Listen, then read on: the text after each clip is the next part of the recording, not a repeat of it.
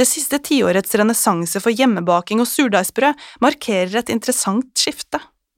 Surdeigen er et slags evighetssymbol. Du må ta vare på en bit av deigen for å lage neste brød. Folk deler surdeigskultur gratis med hverandre. Det er ingen som kommer for å gi deg en plass i dette fellesskapet. Det er noe du må være med på å skape. Holder du surdeigskulturen din for deg selv, er både du og deigen mer sårbar.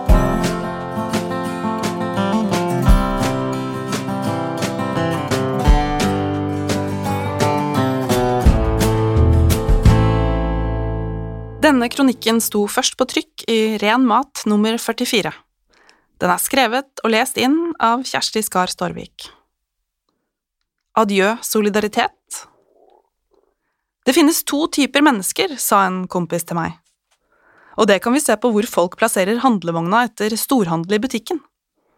Den ene laster varene inn i bilen og lar vogna bli stående på parkeringsplassen. Den andre dytter vogna tilbake dit den sto. Jeg synes det var et godt eksempel. Det finnes ingen lov som sier at vi må sette handlevognen tilbake, slippe folk frem i trafikken eller plukke opp sjokoladepapiret noen andre har mistet midt mellom to søppelkasser.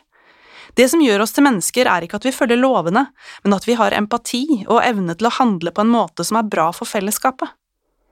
Tingene vi ikke umiddelbart tjener på selv, men som gjør verden til et hyggeligere sted for alle. Det at noen andre gir blanke, er ikke en grunn til at jeg skal gjøre det samme.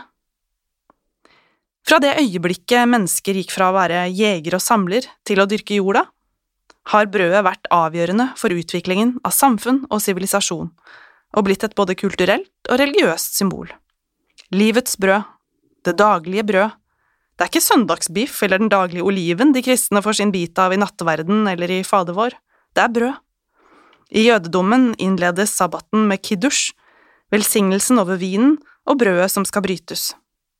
Brødet er en enhet, og når du bryter brødet, får du bli en del av enheten.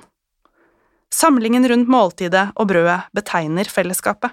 I kneippbrødets tidsalder mister vi noe av respekten både for brødets fysiske verdi og dets kulturelle og myteomspunne betydning. Når brødet ble tørt, gikk gjerne halvparten i søpla. Maten ble selvsagt.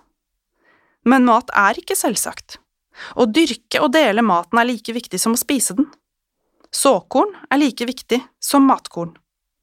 Hvis du er troende, vil du si at det å dele brødet er en religiøs handling. Hvis du ikke er troende, er humaniteten i handlingen det sentrale. For en humanetiker er solidariteten og enhetsfølelsen like viktig som det er for den religiøse. Vi kan ha ulike begrunnelser, men kjernen er den samme. Brød står for et fellesskap vi alle deler det som gjør oss til et samfunn. Solidaritet i praksis er erkjennelsen av at brødet må brytes og deles om vi skal ha en fremtid sammen på denne kloden.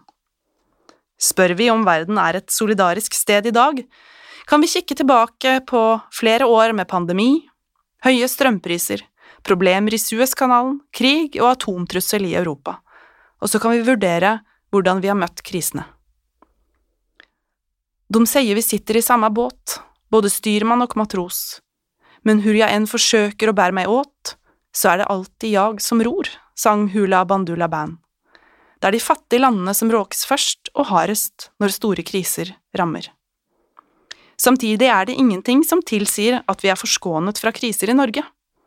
Vi er derimot spesielt utsatt for matvarekollaps som følge av vår lave selvforsyningsgrad, nedlagte kornlagre og begrensede beredskap.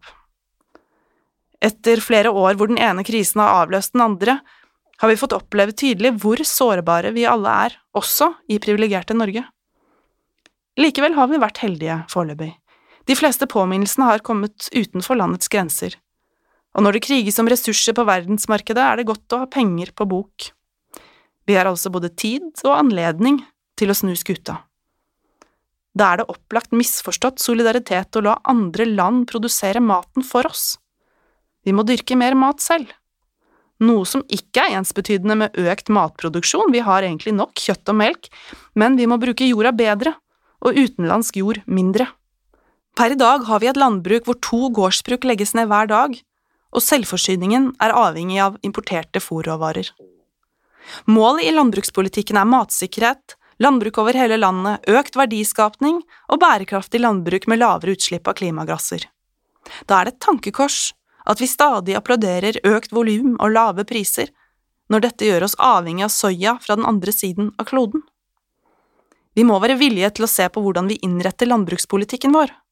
Fremfor store bruk med en produksjon som er løsrevet fra ressursgrunnlaget, bør det lønne seg å utnytte arealer som i dag ses på som for marginale, og drive på en måte som er bra for jorda, med sorter som er tilpasset norske forhold. Og vi må gjenopprette kornlagre for ikke å spise av lasset dersom lasset blir for lite til å brødfø verden, som forsvarsforsker Jan Botnan har uttalt til Ren Mat. Og kanskje er noe i ferd med å endre seg. Hurdalsplattformen går inn for beredskapslagring av korn.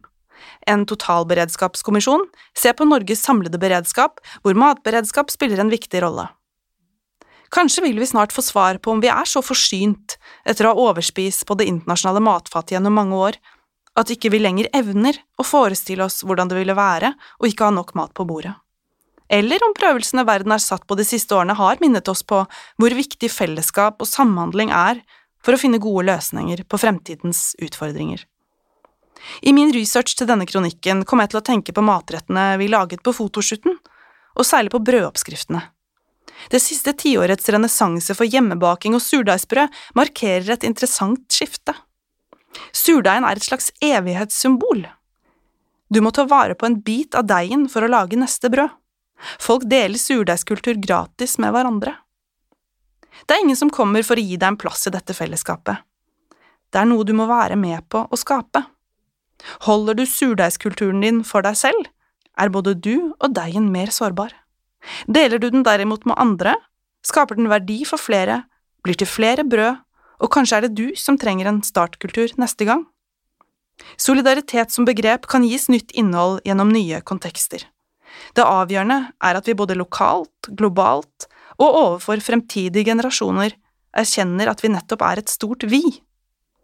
På nasjonalt nivå må vi kjempe for et landbruk som kan fø egen befolkning, samtidig som vi ikke hindrer andre land i å gjøre det samme, slik Ingeborg Tangerås i Norsk Bonde- og Småbrukarlag tidligere har skrevet i Ren mat. Som enkeltpersoner har vi matmakt og mulighet til å gjøre en forskjell med det vi velger å legge i handlevogna, og med hvor vi setter den fra oss etterpå.